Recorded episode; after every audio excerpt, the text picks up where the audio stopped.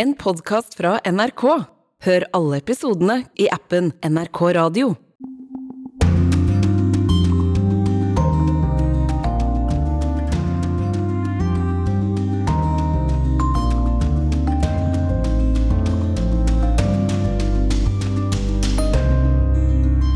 Kinesiske raketter flyr over Taiwan. Den største militærøvelsen til nå er i gang. Taliban strammer til etter det amerikanske droneangrepet. Dette og mye mer dersom du følger sendingen videre. Du lytter til Urix på lørdag. Jeg er Halvard Sandberg. Vi begynner denne sendingen med Taiwan. Etter Nancy Pelosis besøk denne uken avholder nå Fastlandskina tidenes største militærøvelse rundt øya. Men hvorfor er gjenforening med Taiwan så viktig, når det skaper så store problemer?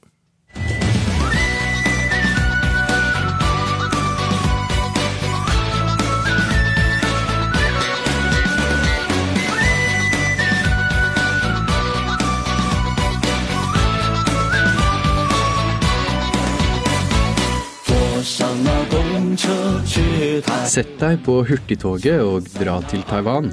Drømmen vil bli virkelighet i året 2035. Dette er teksten til sangen 'Dra til Taiwan i 2035', som ble en favoritt på kinesiske sosiale medier i fjor. Sangen hentyder til en del av Kinas 13. femårsplan om å bygge et hurtigtog fra Beijing til Taipei. Men det er to problemer med den planen. For det første krever det at man bygger en bro på minst 130 km over Taiwanstredet. Og for det andre har ikke taiwanske myndigheter blitt enige om noen slik plan. Men drømmen lever allikevel i beste velgående i Kina. Drømmen om gjenforening med Taiwan. Xi Jinping ble utnevnt til formann i kommunistpartiet i 2012 og president i Kina i 2013. Siden da har han gradvis sentralisert nesten all makt. Samtidig har han begynt å snakke med økende frekvens om gjenforening med Taiwan. Slik dette har blitt tolket, er det et spørsmål om ideologi og legitimitet. To veldig viktige ting i et land som Kina. Mens Xi har samlet makt og dyttet vekk mulige motstandere, har han måttet finne en måte å overbevise kineserne om at han og kommunistpartiet er de riktige for å styre landet. Kina er ikke noe demokrati, men regimet frykter likevel å miste legitimitet foran befolkningen. Det tegner til å bli en ny terrornatt i Peking. Mens de fleste mennesker holder seg innendørs og det er dødsstille i sentrumsgatene, lyder jevn skyting fra flere områder. Dette var et av problemene som ble altfor klare i 1989 på Den himmelske freds plass i Beijing. Den fremste kilden for legitimitet var lenge å vise til at regimet skapte en enorm økonomisk vekst og forbedret levestandarden for millioner av kinesere.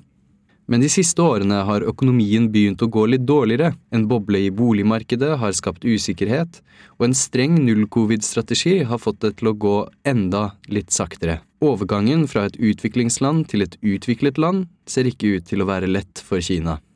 Xi har derfor funnet en ny kilde til legitimitet, og det er nasjonalismen, eller patriotismen, alt ut ifra hvor man står. Xi kaller det Kinadrømmen, eller drømmen om Kinas nasjonale gjenfødsel.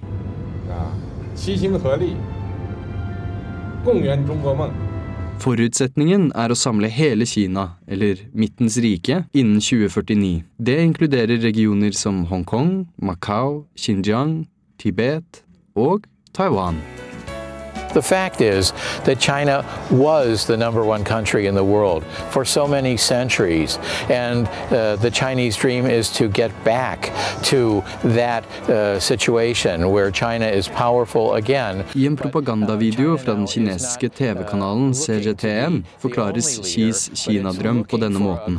Nyere kinesisk historie starter med opiumkrigene på 1840-tallet. De 100 årene frem til slutten av borgerkrigen i 1949, da Mao stiftet Folkerepublikken, kalles den store ydmykelsens århundre.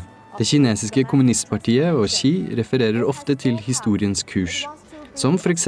i fjor, da det var kommunistpartiets 100-årsjubileum, og Xi lovet i en tale at Kina aldri skulle få oppleve en slik undertrykkelse som under den store ydmykelsen. 中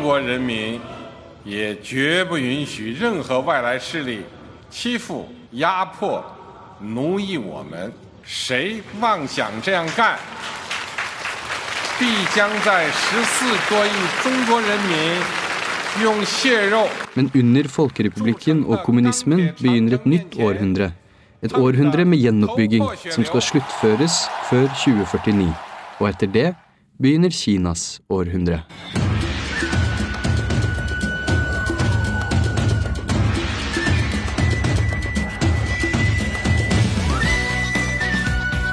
Hvordan Kina og Taiwan skal gjenforenes, er altså et av de absolutt viktigste spørsmålene for Xi Jinping. Og nå, rett før han skal fornye presidentmandatet sitt en tredje gang til høsten, sier først USAs president Biden at han vil forsvare Taiwan dersom Kina invaderer, og så reiser speaker Nancy Pelosi til øya. Svaret er den største militærøvelsen rundt øya noensinne, og med den nåværende nesten-blokaden har vi fått et innblikk i hva folkets frigjøringshær kan gjøre.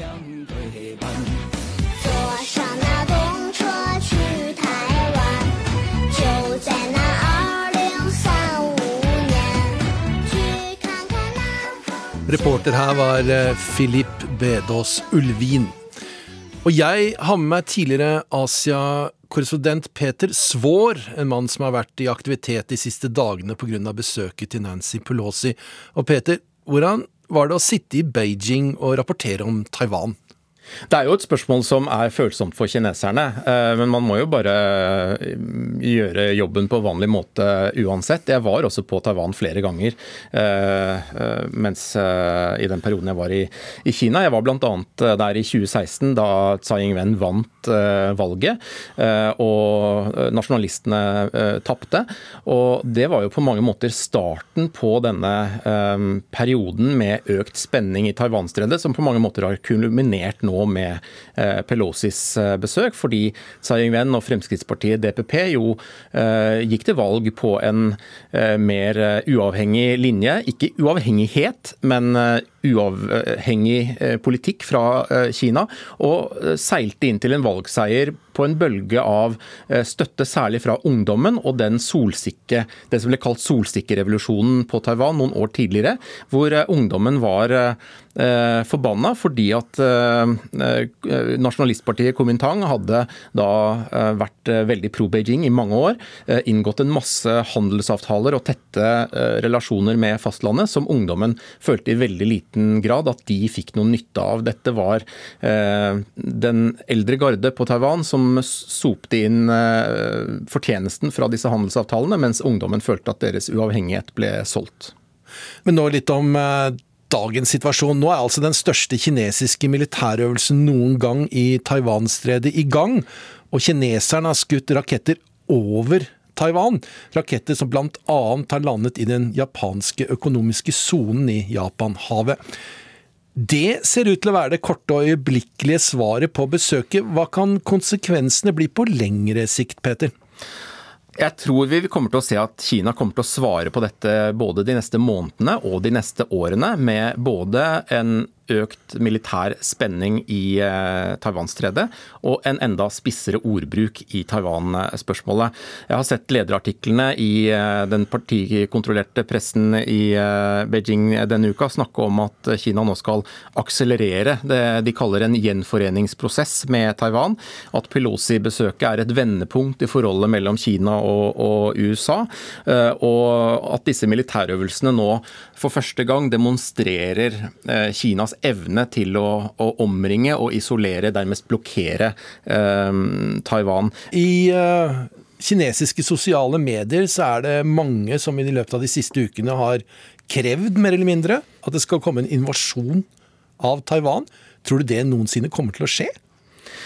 Eh, Jeg tror den kinesiske folkemeningen, hvis du snakker med taxisjåførene i Beijing, er eh, mm, til dels betydelig mer aggressiv enn den offisielle partilinjen eh, i Beijing i dette spørsmålet. Det er en veldig utbredt oppfatning at, blant vanlige kinesere at man ikke kan tolerere denne type oppførsel i det uendelige. Men på, på kort sikt så er det få som tror at vi kommer til å se en, en kinesisk invasjon. eh, Rett og slett fordi Kina fortsatt eh, veldig aktivt bygger eh, militær og marinekapasitet. De har jo fått tre hangarskip eh, på vannet. Det seneste nå i, i juni eh, er nå verdens største marine målt i antall skip. Så det er først om noen år at eh, Kina kommer til å ha den kapasiteten hvor de er sikre på at prisen for å støtte Taiwan vil bli eh, så høy at eh, de kan gjøre dette med større sikkerhet. Takk for den innsikten, Peter Svaar, så får vi se hvordan det går i de neste månedene.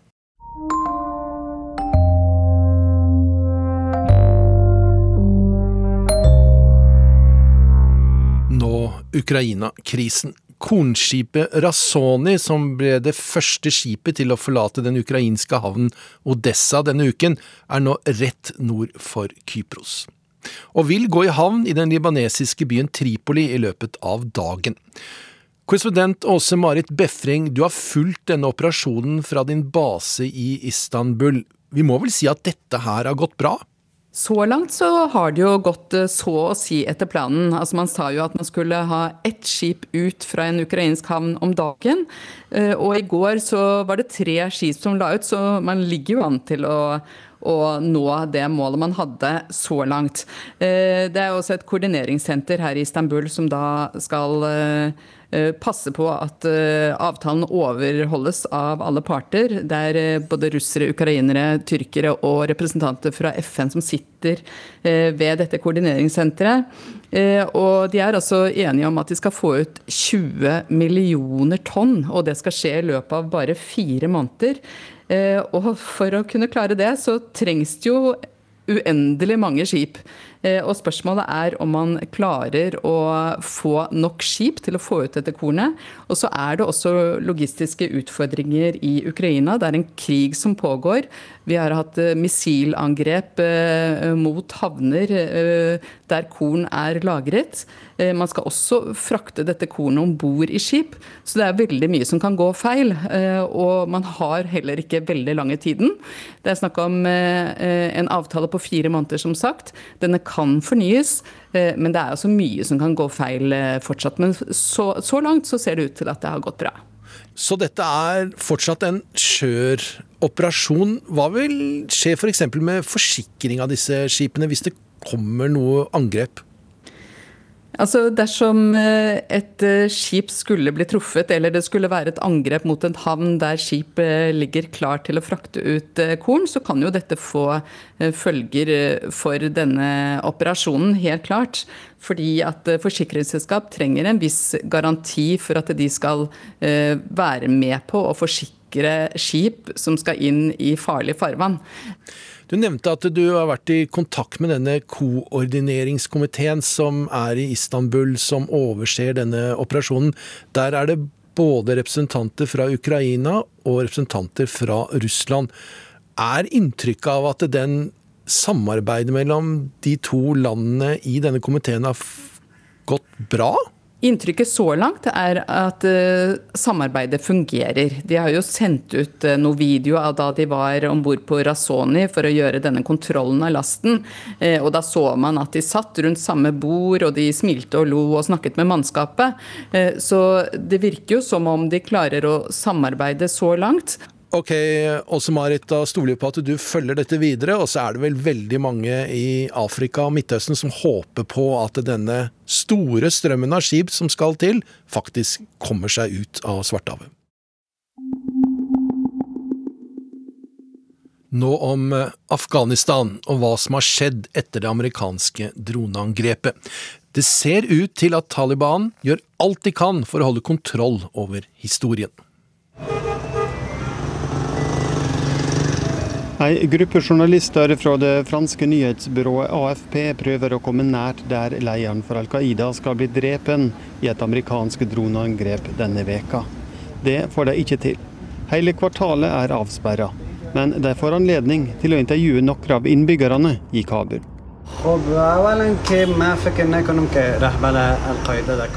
Den 21 år gamle studenten Mohammed Bilal sier han ikke tror Al Qaida-lederen var i Kabul fordi Al Qaida er ei terroristgruppe. Og angrepet, det var bare for å skremme folk og stresse dem, sier Bilal. En annen mann AFP snakker med, er Abdul Kabir. Det er ikke noe bevis, sier Kabir. De skulle vist hele verden at de hadde rammet denne personen. Alle kan drepe noen bak noen gardiner. Men vi kan ikke tro på dette, de angrep noen andre og bare sa at det var han, lederen for Al Qaida. Og lederen for Al Qaida skulle ha vært i Pakistan eller Irak, sier Kabir. Reporter her var Espen Alnes. Korrespondent Yama Wollesmal, du hadde pakket kofferten din og var klar til å reise til Afghanistan, og så kom nyheten om dette droneangrepet. Hvordan har det preget oppholdet ditt i Afghanistan så langt? Jeg ser jo at det er veldig mange journalister som eh, kanskje ikke hadde planer om å reise til Afghanistan, som nå er på vei og allerede ankommet pga. dette angrepet. Men det er en veldig vanskelig sak å dekke. Jeg har vært der noen dager, og Taliban har så å si hermetisk lukket hele den bydelen. Ikke bare gatene, men hele bydelen hvor det huset hvor Zawahiri eh, angivelig befant seg, eh, er. Eh, Det står store sikkerhetsstyrker, og det er ikke vanlige soldater som holder vakt, det er etterretningstjenesten til Taliban som gjør alt de kan for å holde journalister langt unna dette huset. De er i total fornektelse. Hver gang vi snakker med Taliban, så sier de dette har ikke skjedd. Vi vet ingenting om Zawahiri, de tar ikke navnet hans i sin munn. De sier bare at det har gjennomført et droneangrep av USA som de fordømmer i sterke ordelag. Du var der da amerikanerne trakk seg ut i fjor. Veldig dramatiske sekvens med deg, husker jeg, fra Dagsrevyen. Da husker jeg også at du beskrev Taliban som på tilbudssiden når det gjaldt dere journalister. Slik er det altså ikke nå. Nei, de har absolutt strammet grepet om eh, ytringsfriheten, pressefriheten og journalisters mulighet til å jobbe i Afghanistan. Ledelsen er fortsatt på tilbudssiden. De sier de rette tingene til oss, men i praksis har det blitt vanskeligere å jobbe. Jeg har snakket med lokale journalister som sier at det kommer stadig nye direktiv, nye regler for hva de har lov til å publisere, hva de ikke har lov til å publisere. Det er noen tøffe journalister og mediehus her i Afghanistan som trosser disse reglene, men det er nesten hver uke kommer det nye regler. For oss utenlandske journalister gjelder litt andre regler, men vi får alle en stor tale når vi skal hente vår akkreditering for å kunne jobbe i Afghanistan av talsmannen til Taliban, som sier at dere må være forsiktige med å bruke anonyme kilder som kommer med grove anklager mot oss. Det er en rød linje for oss, det aksepterer vi ikke. Så man får en klar pekefinger fra Taliban før man får jobbe her i Afghanistan. Men hvordan er det mulig journalistisk å få stemmer som anklager Taliban for noe mens de er i Afghanistan, hvis de ikke får lov til å beholde anonymiteten sin? Det er jo dette som er det store spørsmålet, Alvar. Vi sliter veldig med å forklare Taliban konseptet, prinsippet med anonymitet, og hvorfor det er viktig. Hvordan i all verden, som du sier, skal folk kritisere Taliban når de frykter represalier. Dette forstår ikke Taliban. De er i utgangspunktet mistenksomme overfor mediene. De mener at alle journalister, både lokale og internasjonale, er ute etter å ta dem. At de driver med svertekampanjer for å ødelegge omdømmet deres, sånn at verden ikke anerkjenner deres regime. Og Derfor sier de at når dere bruker anonyme kilder, så gjør dere, gjør dere altså da, da blir det veldig vanskelig for oss å ettergå det som blir sagt. og Derfor har de lagt ned et forbud mot anonyme kilder. Ok, nå om dette angrepet. Amerikanske myndigheter har sagt at Al Qaida forsøker å bygge seg opp igjen i Afghanistan. Er det tilfellet? Det er veldig vanskelig å si. Eh, Til eh, Zawahiri eh, ble drept, så var jo Al Qaida ikke et tema i Afghanistan. Det var ikke noe som tydet på at de var, i- ferd med å bygge seg opp. Vi har sett en gruppe som IS, som har tilhold øst i Afghanistan. De er i stand til å gjennomføre terrorangrep i ny og ne mot afghanske byer, spesielt mot religiøse og etniske minoriteter. Men Al Qaida har vi ikke sett mye aktivitet fra. Og det at Zawahiri, ifølge amerikanerne, ble drept her i Kabul, kom som lyn fra klar klar himmel på de aller, aller fleste. For dette var jo en av de viktigste løftene Taliban kom med da de signerte avtalen med amerikanerne i Doha for noen år siden.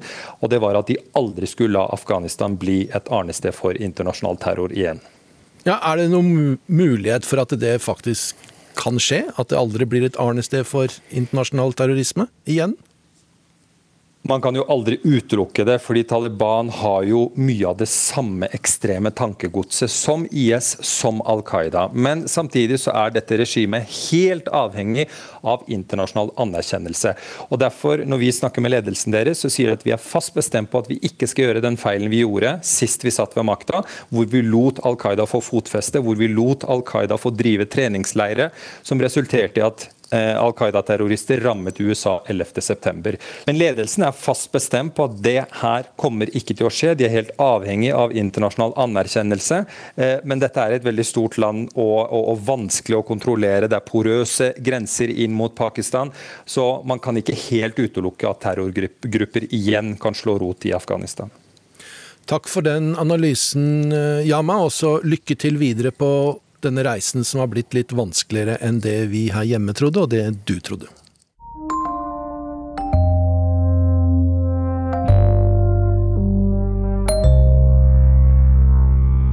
Så skal vi til Afrika i Urix på lørdag. Nærmere bestemt Den demokratiske republikken Kongo. For atter en gang har FNs generalsekretær sendt sjefen for FNs fredsoperasjoner til Kongo for å hedre falne FN-soldater der. FN er under et voldsomt press etter flere angrep rettet mot FNs baser øst i Kongo de siste to ukene. FN-styrkene er blitt svært upopulære. Innbyggerne mener den ikke gir dem beskyttelse.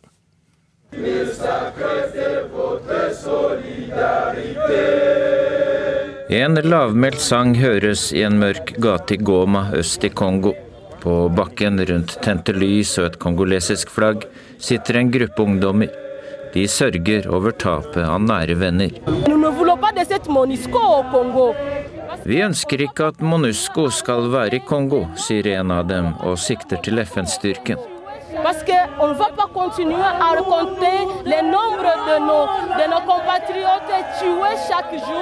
Hver dag teller vi hvor mange patrioter som er blitt drept, forteller kvinnen ikledd sorte sørgeklær. Mange er som henne. De mener FN-styrken ikke gjør nok for å beskytte sivilbefolkningen mot voldelige militser som dominerer områdene helt øst i Kongo. Indiske og marokkanske FN-soldater og FN-politi i sine paradeuniformer og blå bæreter på hodet er klare til å ta farvel med kollegaer som har mistet livet de siste dagene. Bak dem er det fem kister drapert i det lyseblå FN-flagget. På hver kiste er det et stort portrettbilde av den falne. Blant dem som legger en krans på hver kiste, er den tidligere franske toppdiplomaten som blant annet har en fortid som ambassadør i Sverige, Jean-Pierre Lacroix. Han er nå sjef for FNs fredsoperasjoner. I april var han her i samme ærend, for å vise at FNs ledelse bryr seg når noen på oppdrag for verdensorganisasjonen har falt på post.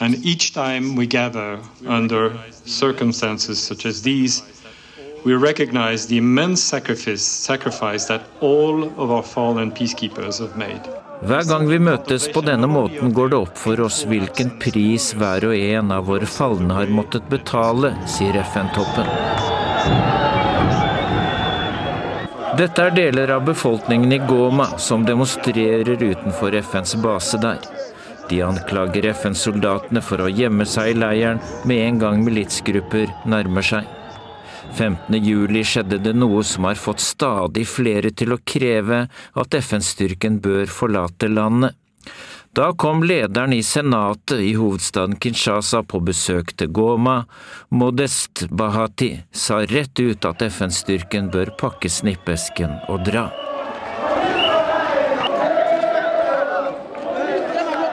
Etter det vokste demonstrasjonene mot FN i flere byer i Øst-Kongo. Mandag 25. juli kom de ut av kontroll i flere av byene. Verst var det i Butembo, der en mobb klarte å ta våpen fra kongolesisk politi, for deretter å bryte seg inn i en FN-leir. En soldat og to politimenn i FN-uniform ble skutt og drept der, sier talsmann Farhan Haq, trygt plassert bak en talerstol i FN-bygningen i New York. At the MONUSCO Butembo base today. Omtrent samtidig tok demonstranter seg inn i FNs hovedbase i Goma med makt, sier talsmann til nyhetsbyrået Associated Press. De brukte steiner og hjemmelagde bensinbomber, såkalte molotov-cocktails. mobs FN skal granske anklagene om at soldater i FN-uniform har skutt mot ubevæpnede sivile. FNs ledelse måtte også ut og be om unnskyldning overfor president Tshisekedi denne uka. En gruppe FN-soldater på vei tilbake fra permisjon skjøt og drepte to personer ved en grensepassering mellom Uganda og Kongo. Uh, the Secretary General spoke uh, this Felix Tshisekedi. In the conversation, the Secretary General conveyed his condolences. FNs militærpoliti har arrestert soldatene og har startet gransking, sier talsmann Stefan Dujaric. To detain the mission personnel involved in the incident and to immediately open an investigation. Monesco er en av FNs største fredsoperasjoner, med 17 000 soldater og politi i tjeneste i Kongo. 230 har mistet livet siden de første med blå beret kom til Kongo i 1999. Reporter her var Dag Bredvei. Og vi fortsetter i Afrika, nå Kenya, for der er det innspurt før tirsdagens presidentvalg. Sittende president Uhuru Kenyatta gir seg etter to perioder, slik loven sier at han skal. Dermed blir det en ny president i det østafrikanske landet, og maktskifter der har tidligere ført til vold. Påtroppende Afrikakorrespondent Vegard Kjørhom har levert denne reportasjen. Mumejipanga ama nyinyi ni wale wa kupangwa? Store folkemengder, jubel og en litt sprengd høgtaler. Det er fem år siden sist, men nå er valgkampsirkuset i full gang igjen i Kenya. William Ruto taler til sine tilhengere, før han entrer et lasteplan på en pickup som kjører gjennom den jublende folkemengda til lyden av musikk. Raila Odinga går for samme formel. Med stødig rytme danser 77-åringen på scenen. Dette har han gjort før. Det er femte gangen han prøver å bli president. En av de to blir Kenyas neste president. Den andre blir valgtaper. Men vil taperen akseptere et tap? That uh, who uh, win will the results uh. Vi håper på et fredfullt maktskifte, sier Joy Kibarabara. Hun er journalist fra Kenya, men følger valget fra Stockholm, der hun tar en doktorgrad i journalistikk. Som kenyanere flest vet hun godt at maktskiftet ikke alltid har gått rolig for seg i Kenya. Over 100 mennesker er funnet hakket i hjel eller brent til døde siden torsdag. Her i Naivasha har ungdomsgjenger herjet fritt, angivelig under politibeskyttelse. Slik var nyhetene for Kenya rett etter valget i 2007. Påstander om valgjuks førte til omfattende valg. Over 1000 mennesker ble drepne før landets ledere klarte å finne en fredelig løsning. Den gang var kenyansk politikk veldig delt etter etniske linjer.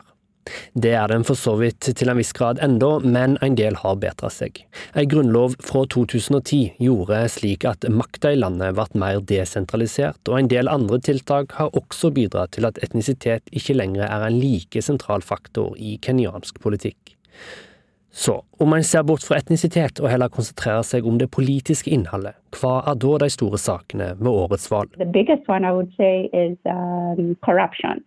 Uh, Kibarabara hever fram et stadig tilbakevendende tema korrupsjon. I Kenya er pengene ekstremt skjevt fordelt, og de som kan gjøre noe med problemet, er blant de rikeste. Det gjelder både Ruto og Odinga. De to presidentkandidatene har vært i politikken lenge, og har snakka om korrupsjon før. Det gjør de nå også. Any corrupt person cannot take a risk and come to work with me because they will be jailed the next day. William Ruto sa for noen uker siden at eventuelle korrupte medarbeidere vil havne i fengsel. Men da hans egen visepresidentkandidat noen dager etterpå fikk beskjed fra en domstol om å tilbakebetale rundt 16 millioner korrupte kroner, så skulle Ruto og hans team på at saka egentlig handla om at det var den sittende regjeringa som ville skade Ruto sitt presidentkandidatur. Ruto han peker på sin motkandidat og mener det er han som er korrupt. Det nekter Raila Odinga for. He is himself Mr. Corruption. Det er han som er mister korrupsjon, svarer Odinga, og stiller spørsmål ved hvordan Ruto kan være så rik som han er når selskapet hans ikke tjener såpass mye penger. Så begge blir skylda for korrupsjon, og begge sier at de nå vil stanse korrupsjonen i landet. Det lyder hult for mange kenyanere. Ingen tror på at korrupsjonen vil ta slutt uansett hvem som vil, sier Kibarabara. Dette er de samme folka som har vært der så lenge jeg har levd, og jeg er ikke så ung, sier hun. Og dermed setter hun kanskje ord på det som de unge i Kenya tenker. For det er ting som tyder på at den største gruppa av kenyanere, de unge, er mindre interessert i politikk enn før. For av de som har registrert seg for å delta i valget, så har tallet på unge kenyanere gått klart ned. En demonstrasjon utenfor parlamentet i Nairobi. Mange av demonstrantene som har møtt opp, er unge, og de er frustrerte fordi det er stor arbeidsløse og samtidig økende matpriser. Life is getting for the people of Kenya. Sharon Menezi er aktivist for den fattige bydelen Korogocho. Den unge kvinna i 20-åra sier at livet knapt er til å holde ut med de økende prisene. foodstuffs such as maize flour, cooking oil, rice, wheat, Wenesi ramser opp mat som er dyrere nå. There's a lot of concern about uh, about jobs, uh, especially among the youth. Det er stor uro nå for de økende prisene og omfattende arbeidsløse, sier Kibrabara. Hun tror det er en grunn til at færre unge har registrert seg til årets valg. For hun frykter at tilliten til kenyansk politikk er på vei ned igjen. Really right thing. So think Tilliten er låg nå, for de lover noe, men gjør noe helt annet, sier Kibarabara. Tirsdagens valgvinner har utvilsomt flust av utfordringer å ta tak i. Så gjenstår det å se om det bare er musikk, dans og rent valflesk de har kommet med de siste ukene, eller om Kenyas neste leder kan få ordentlig fart på landets økonomi og demokrati.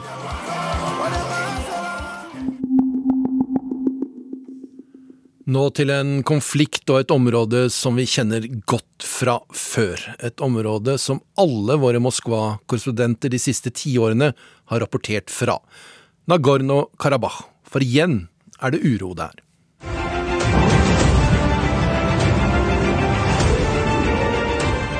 En video fra aserbajdsjansk media viser landets luftforsvar som gjennomfører øvelser de siste dagene. Det er mange russiskproduserte helikoptre og stridsfly i aktivitet. Samtidig kommer det andre videoer som viser aserbajdsjanske luftstridskrefter i operasjon, og de er langt mer voldelige. Vi ser angrep gjennomført med tyrkiskproduserte Bayraktar-droner. En video viser angrep mot armenske kjøretøyer, en annen mot armenske stillinger. Bugün Rusya kontingentinin Talsmannen for det aserbajdsjanske forsvarsdepartementet, Anar Eivasov, hevder at armenske styrker, som han mener oppholder seg ulovlig på aserbajdsjansk territorium, har brutt vilkårene i avtalen fra 2020, og at de gjennomførte terroristangrep mot de aserbajdsjanske styrkene 3. august. Uh, I was also asked about the current situation between Armenia and Azerbaijan, and I can tell you that the Secretary General is following with concern. Stefan Duajic, talsperson for FNs generalsekretær, ber alle parter om å vise tilbakeholdenhet og komme fram til en løsning gjennom dialog. Ja, tidligere Moskva-korrespondent Morten Jentoft, løse det med dialog, blir det sagt fra FN. Er det mulig? Selvfølgelig er det mulig, men det har jo vist seg svært svært vanskelig å få til en dialog mellom erkefienden eh, Aserbajdsjan og eh, Armenia. Det er jo knappe to år siden landene utkjempet en blodig krig. Mer enn 6000 døde eh, i områdene rundt denne utbryterrepublikken eh, Nagorno-Karabakh. Så en dialog er eh, vanskelig, selvfølgelig ikke umulig. Man har jo en avtale fra 2020, men vi har jo sett da de siste dagene denne uken her at den avtalen den er svært, svært eh, skjør. Nå skytes det igjen i Kaukasus. Eh, Folk drepes på begge sider, og tilliten mellom partene den er jo nærmest lik null. Jeg skal be deg om å gjennomføre en øvelse du har gjennomført mange ganger tidligere. Og det er kort og lettfattelig forklare hva som er grunnlaget for denne konflikten om Nagorno-Karabakh. Ja, Dette går jo da tilbake i lang, lang tid, men la oss nå si at vi går tilbake til den tiden eh, alle, eh, hele dette området var en del av eh, Sovjetunionen. Da ble det trukket opp grenser ut ifra en slags etnisk sammensetning i området, der Armenia var Sovjetrepublikken Armenia, Aserbajdsjan var Sovjetrepublikken Aserbajdsjan. Det var ingen grenser mellom disse områdene her. Men inne i Aserbajdsjan, der eh, lå og ligger altså dette området som vi kaller Nagorno-Karabakh, som har et flertall av eh, armensk, eh, armenske innbyggere. Og da Sovjetunionen begynte å knake i sammenføyningene på slutten av 1980-tallet, så eh, krevde armenerne, både i selve Sovjetrepublikken Armenia, men også i Nagorno-Karabakh, at de skulle bli ett område. Man så at Sovjetunionen gikk i oppløsning, nasjonalstatene vokste fram, og dermed så oppsto det da etniske konflikter, en blodig krig på begynnelsen av 1990-tallet. Den gangen vant Armenia fordi at man hadde bedre våpen, mer utdannede soldater. Armenerne erobret store deler av Aserbajdsjan. Senere har jo Aserbajdsjan, eh, takket være sine store inntekter fra olje og gass, bygd seg opp en betydelig militær styrke. Og i 2020 så var det de som var på offensiven. De presset armenerne tilbake. Og Armenia, Armenia og armenerne i Nagorno-Karabakh måtte da inngå en ganske ydmykende fred, der de trakk seg tilbake fra områdene som de hadde erobret på 1990-tallet.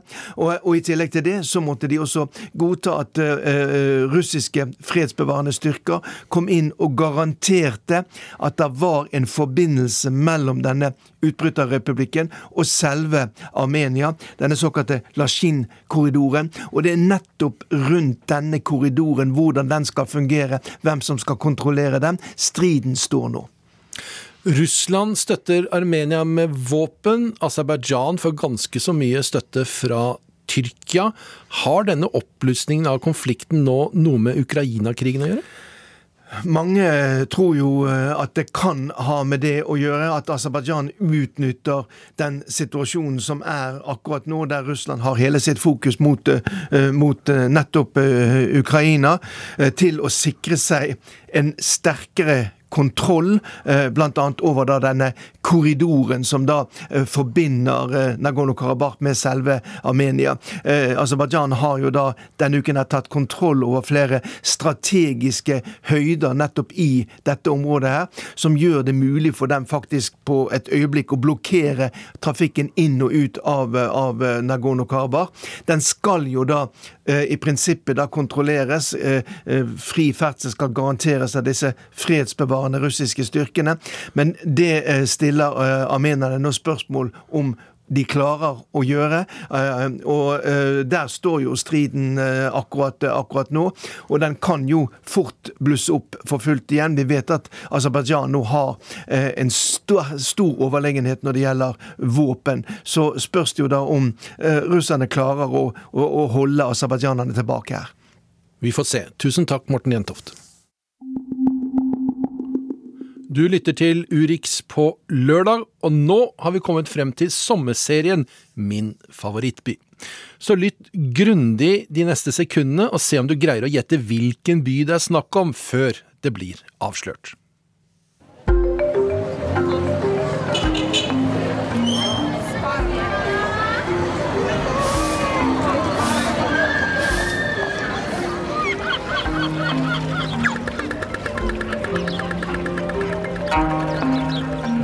Byen ved kysten har i mange år blitt kalt Midtøstens Paris. Folk fra hele verden besøkte den vakre byen, men så kom krigen.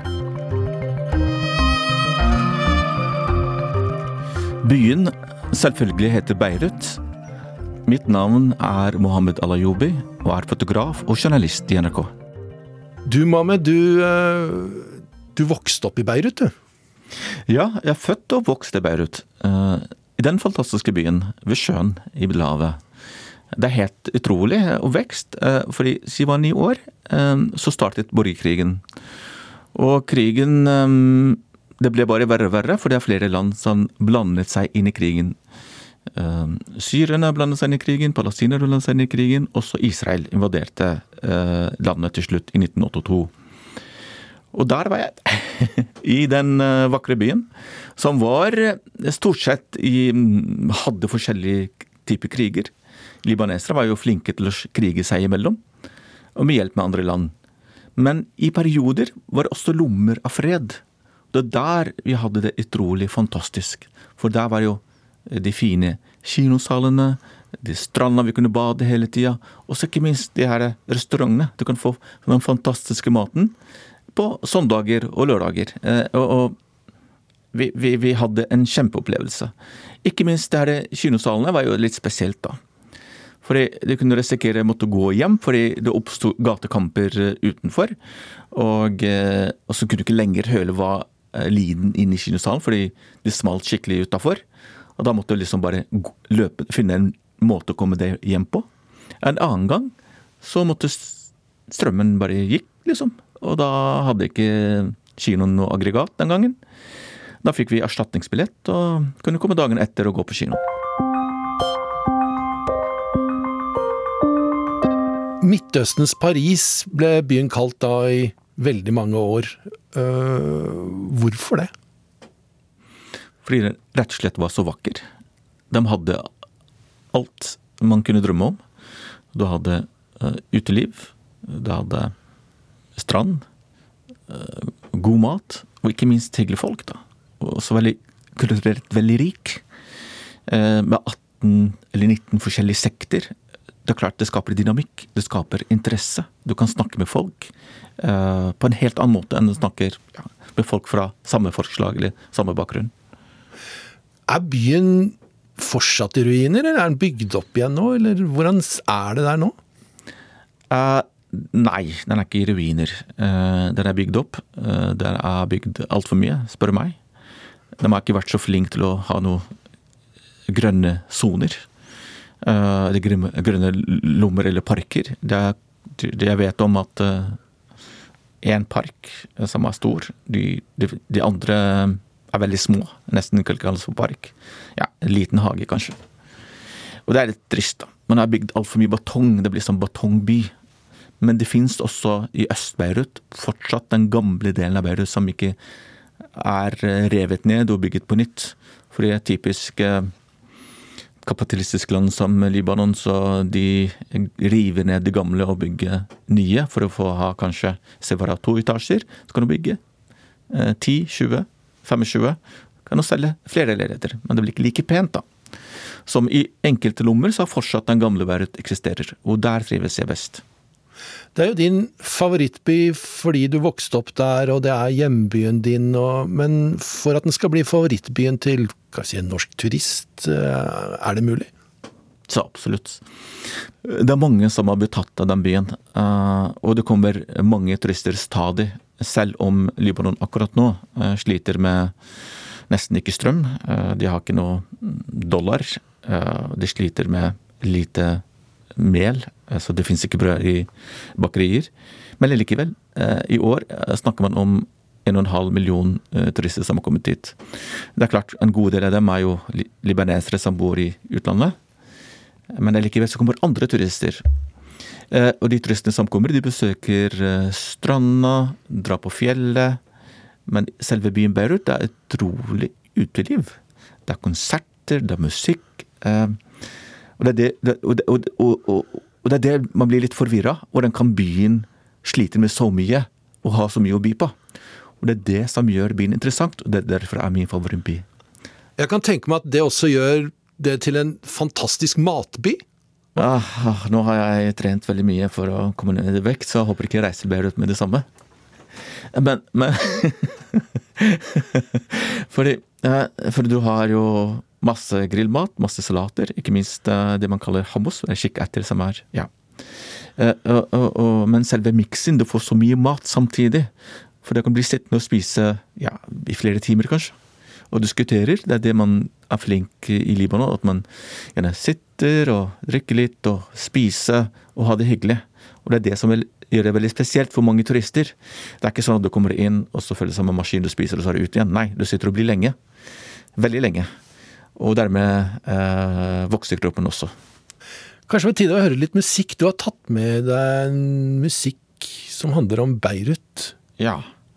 Det er en sangerinne som heter Feiros. Hun er et ikon, ikke bare i Beirut, men i hele Midtøsten. Det har gått riktig, jeg vet ikke om det stemmer, men at uh, den tidligere diktatoren Saddam Hussein uh, hadde hørt på henne hver morgen uh, da han drakk kaffe, for da, akkurat da fant han ro. og det er litt spesielt, da. men det går rykter om at de fleste arabiske ledere hører på henne om morgenen. Fordi han for hun har utrolig fantastisk stemme og gir deg uh, ro i sjelen, særlig om morgenen.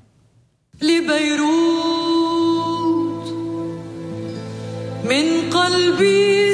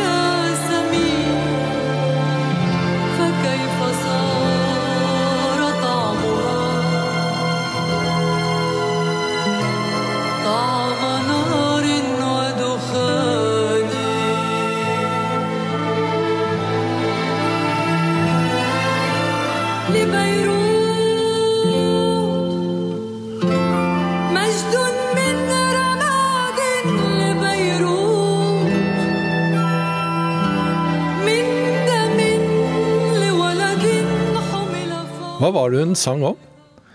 Hun sang om eh, Beirut. Jeg sender hilsen eh, til Beirut. Fra mitt hjerte sender jeg hilsen til Beirut. Det er det hun synger om. En fantastisk dame som alle libanesere elsker henne, og mange, ikke minst arabere. Uh, som kan forstå arabisk. Og, ikke, de som ikke kan forstå arabisk, de liker ikke alle låtene, men enkelte låter syns wow, dette er vakkert. Fordi det er et eller annet med hennes stemme som er så magisk. Den går rett gjennom deg og bli der lenge.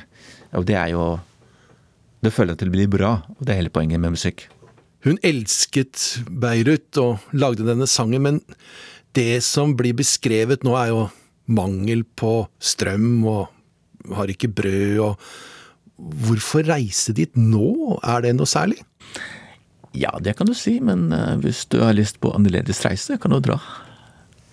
Det er jo slik, da, at det er jo på, mm, på, eh, på de store restaurantene så har jo alt, da.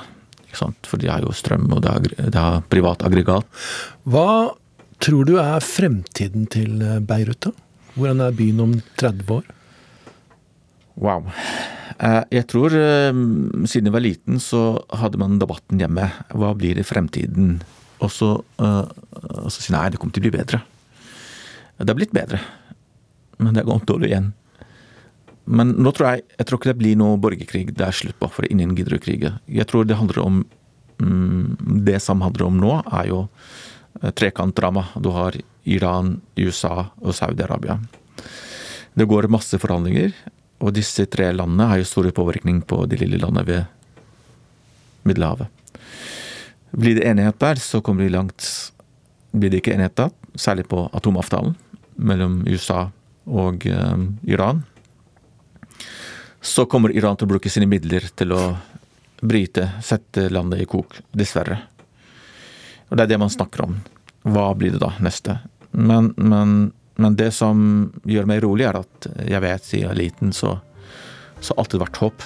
Og jeg har overlevd. Og jeg har overlevd også. Og mange av meg, sammen med meg, har overlevd. Jeg tror det kommer til å bli bedre. Det kommer til å bli mye, mye bedre. For folk er veldig lei de korrupte politikerne. Folk er lei av krig. Og det er jo typisk eh, de som bor i Libanon. Man gir aldri opp. Man skal aldri gi opp heller.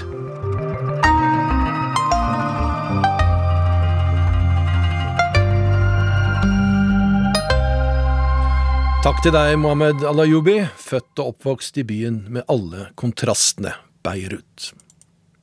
Da er vi fremme ved korrespondentbrevet. Det er postlagt i California av vår korrespondent Lars Os. Idet jeg skal reise til California for å rapportere om tørka bøndene sliter med, bryter en ny skogbrann ut. Flammene er mer voldsomme enn noen gang, og det tvinger innbyggere som Paul i å flykte ifra delstaten. Mens i en samtale med ei venninne kommer brannene opp. Hun forklarer at det egentlig er bra for skogen at den brenner av og til. Og det er sant. Skogbranner er en naturlig del av jordas gang. Ofte blir de starta av lyn. Store områder brenner bort gammel, tjukk og død trevirke. Bakken får ny næring og sol. Og med store enger av små knopper og gras får òg dyr og insekter ny og frisk næring til å vokse videre og jorda nye lunger til å rense lufta.